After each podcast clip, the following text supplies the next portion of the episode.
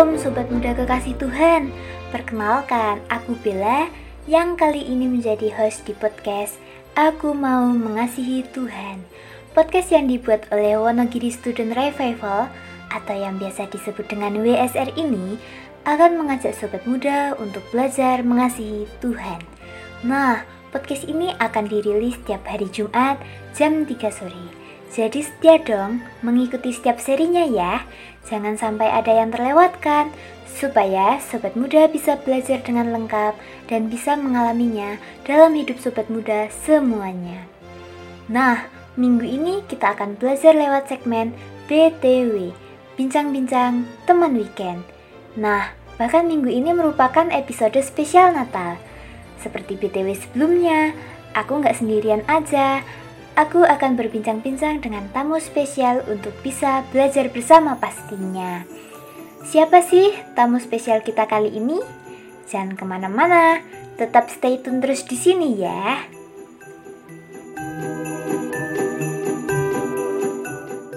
Baik sobat muda, di BTW episode spesial Natal kali ini, kita akan berbincang-bincang dengan tema seputar kelahiran Mesias. Nah, dan aku sudah bersama tamu spesial kita, yaitu Mbak Lia. Yuk, kita sapa dulu tamu spesial kita. Halo Mbak Lia, selamat Natal ya. Bagaimana kabarnya? Halo Bella, selamat Natal juga. Bersyukur kabar saya baik dan juga sehat. Saya harap Bella dan sobat muda semua juga dalam keadaan yang baik dan sehat ya. Puji Tuhan, bersyukur ya. Kabarku juga baik dan sehat Mbak Lia.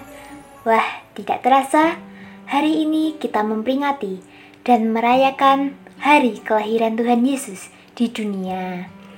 Nah, dari episode podcast kita sebelum-sebelumnya, kita sudah mempelajari bahwa dari sejak dijanjikan sampai dikenapi, kedatangan Mesias selalu melibatkan orang-orang yang dipakai Tuhan untuk mengenapi janjinya. Nah, lalu siapa sih mbak mereka itu? Dan apa keistimewaan mereka bagi kelahiran Sang Mesias? Betul, Bella. Ada berbagai tokoh yang hadir di seputar kelahiran Mesias. Mereka berasal dari berbagai kalangan dan berbagai latar belakang. Setiap tokoh ini pun memiliki watak tertentu yang mereka miliki, sehingga memungkinkan mereka efektif melakukan peran yang dikehendaki Tuhan. Oke, kita pelajari bersama ya. Pertama Maria, Lukas 1 ayat 26 sampai 38. Maria, seorang gadis desa yang polos dijumpai malaikat Gabriel. Hal ini mengejutkan baginya, Sebab selama 400 tahun sama sekali tidak ada malaikat yang menampakkan diri. Keterkejutannya ditambah mengenai isi pesan malaikat Gabriel bahwa dirinya akan mengandung seorang anak dari Roh Kudus dan belum pernah terjadi demikian sebelumnya. Itu sebuah keputusan dan sikap hati yang tidak mudah bagi Maria. Ia masih perawan dan sedang bertunangan dengan Yusuf. Tentu akan sangat sulit untuk menjelaskan hal itu kepada Yusuf maupun kepada masyarakat sekitar bahwa dirinya mengandung dari Roh Kudus. Tentu ancaman hukuman rajam akan menantikan kalau ia dipandang dan terbukti berzina sampai akhirnya mengandung di luar pernikahan. Dari Maria kita dapat belajar kesederhanaan dan penyerahan hati kepada Tuhan dalam keadaan yang sangat tidak masuk akal. Kedua, Yusuf. Matius 1 ayat 19 sampai 25. Sebagai seorang pria yang sudah bertunangan, mengetahui tunangannya mengandung, maka kemungkinan pandangan Yusuf mengenai keadaan itu adalah satu sulit mempercayai. Sebab mengandung dari Roh Kudus belum pernah terjadi sepanjang sejarah manusia, dan Yusuf tidak mendengar secara langsung kata-kata malaikat Gabriel pada Maria. Dua, tidak mempercayai, karena bisa jadi Maria ini hanya mengarang cerita, dan sebenarnya Maria ini dinodai oleh seorang pria. Namun, Yusuf adalah seorang pria yang tulus hatinya. Tentu saja ia tidak bisa menikahi Maria yang sudah hamil ini. Maka ia berencana untuk menceraikan Maria diam-diam. Yusuf ingin menyelamatkan Maria dari hukuman rajam. Orang akan memandang bahwa Yusuflah yang menyebabkan Maria mengandung. Yusuf bersedia menanggung saat ia dikejar-kejar dan dihukum. Di dalam ketulusan hati Yusuf ini, Tuhan melakukan tindakan intervensi. Dalam mimpinya, Tuhan menyatakan agar Yusuf tidak ragu menikahi Maria. Sebab memang Maria bukan mengandung dari seorang pria, melainkan dari Roh Kudus. Yusuf mentaati Tuhan. Yang menarik lagi, Yusuf tidak dikuasai oleh nafsu. Sampai bayi Mesias itu lahir, ia tidak bersetubuh dengan Maria. Dari Yusuf kita dapat belajar ketulusan hati dan ketundukan kepada pimpinan Tuhan. Ketiga Kaisar Agustus, Lukas 2 ayat 1 sampai 7. Di bawah pemerintahan Kaisar Agustus saat itu, Romawi menjadi penguasa hampir di seluruh negeri. Tuhan memakainya untuk mengadakan sebuah kebijakan yang baru sekali itu diadakan, yaitu sensus penduduk yang dilakukan di tanah kelahiran masing-masing. Hal itu memaksa semua orang berbondong-bondong pulang ke tempat asalnya untuk melakukan kebijakan. Tidak terkecuali Yusuf juga mengajak Maria, tunangannya yang sedang mengandung 9 bulan, menempuh perjalanan jauh ke Bethlehem. Namun, di balik peristiwa besar ini, Tuhan memakainya untuk menggenapi nubuatan firman Tuhan mengenai Mesias dari Mika 5 ayat 1. Ditunjukkan bahwa Mesias itu akan lahir dari Bethlehem.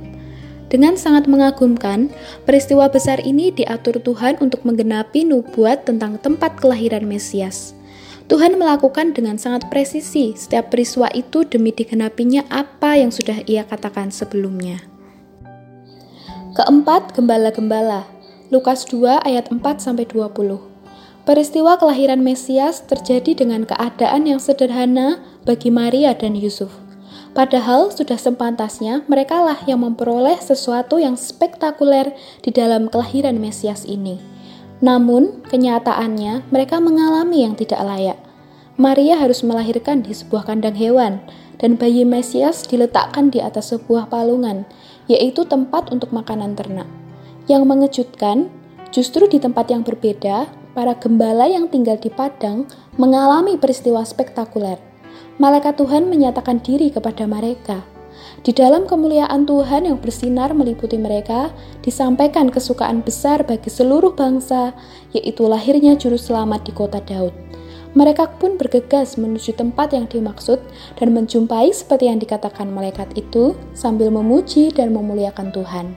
Gembala adalah kelompok orang yang pada waktu itu dianggap biasa saja. Mereka dianggap hina secara rohani, sosial, maupun ekonomi. Kelima, orang Majus. Matius 2 ayat 1 sampai 12. Orang Majus disebut sebagai orang bijaksana yang berasal dari Persia. Mereka menyerahkan hidup untuk mempelajari bintang-bintang atau astrologi. Yang menarik dari kisah orang Majus ini, Tuhan memakai ajaran ilmu pengetahuan dan bahkan juga ajaran yang sesat untuk membawa orang kepada Mesias. Orang Majus ini melakukan penyelidikan yang mendalam terhadap ilmu perbintangan sampai Tuhan membawanya untuk menemukan dan menyembah Mesias. Dari kisah ini, nyata memang kedatangan Mesias adalah untuk segala bangsa, termasuk bangsa yang tidak mengenal Allah sebelumnya.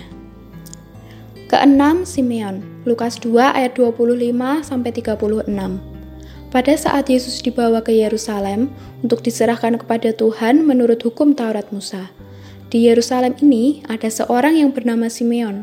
Ia seorang biasa tetapi hidup benar dan saleh. Ia adalah seorang pendoa yang hebat, sebab ia tekun menantikan penghiburan bagi Israel, yaitu Mesias. Ia penuh dengan Roh Kudus dan mendapat pernyataan nubuat tentang Mesias. Simeon memperoleh pernyataan Roh Kudus bahwa ia tidak akan mati sebelum melihat langsung Mesias. Pernyataan ini pun digenapi. Simeon datang ke bait Allah dan menyambut langsung bayi Mesias. Ketujuh Hana, Lukas 2 ayat 36 sampai 38. Selain Simeon, di Yerusalem ada seorang nabi perempuan bernama Hana. Dia sudah berusia 84 tahun, tetapi terus tekun beribadah. Siang malam berada di bait Allah dengan berpuasa dan berdoa. Hana ini tidak hidup dalam hawa nafsu, sebab ia tetap menjanda setelah pernikahannya yang hanya tujuh tahun lamanya. Ia ikut berbicara tentang Mesias. Di usianya yang sudah lanjut, Hana juga mendapat kesempatan berjumpa langsung dengan bayi Mesias. Wah, sangat menarik ya mbak. Setiap orang tadi memiliki peran masing-masing bagi kelahiran Sang Mesias. Dari tokoh-tokoh tadi, kita juga tahu bahwa Mesias hadir bagi semua orang dari berbagai kalangan. Begitu berharga ya mbak kedatangan Mesias itu sampai-sampai Allah memakai orang dari berbagai golongan, bahkan dari berbagai zaman untuk dipakai dalam rangkaian kehadiran Mesias. Nah, lalu apa sih mbak sebenarnya makna utama dari kehadiran Mesias bagi dunia ini? Sampai-sampai Allah itu mau melakukan hal-hal yang menakjubkan demi kelahiran Mesias ini? Iya, betul Bella.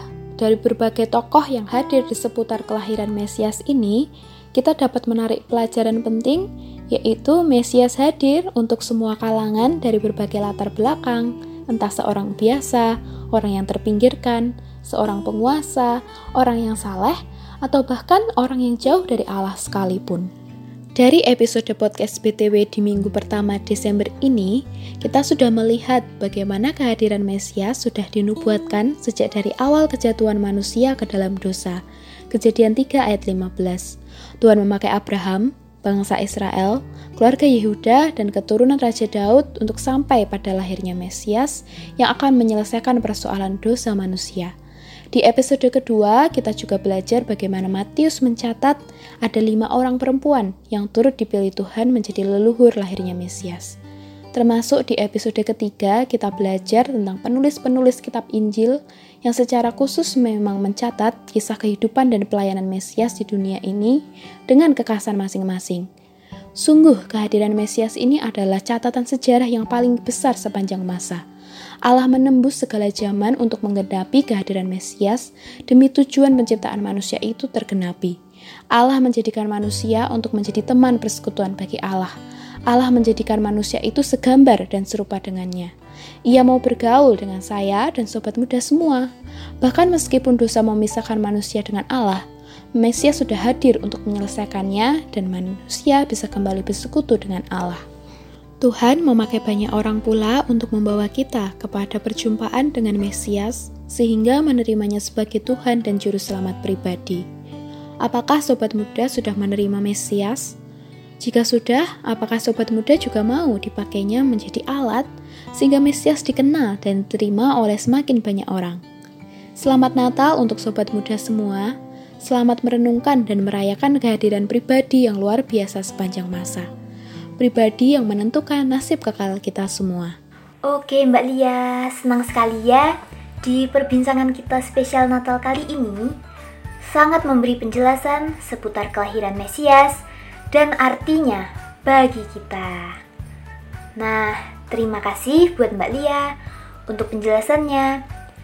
Kiranya perbincangan kali ini memberkati sobat muda semuanya. Tuhan Yesus memberkati Mbak Lia. Sama-sama Bella. Tuhan memberkati Bella dan sobat muda semua. Sampai jumpa di lain kesempatan ya.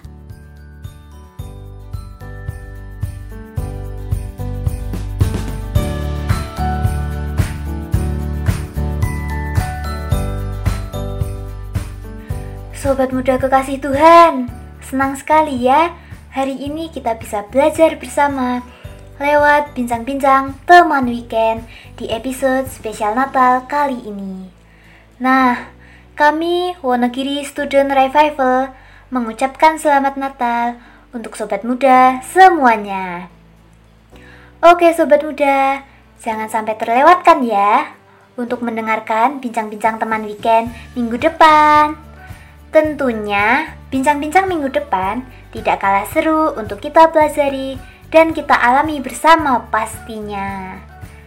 Nah, kalau ada sobat muda yang ingin berdiskusi, bertanya, maupun memberi masukan, boleh deh sobat muda sampaikan lewat Instagram WSRD at Revival. Oke, sekian podcast kali ini. Gabung lagi minggu depan ya. God bless you all. See you.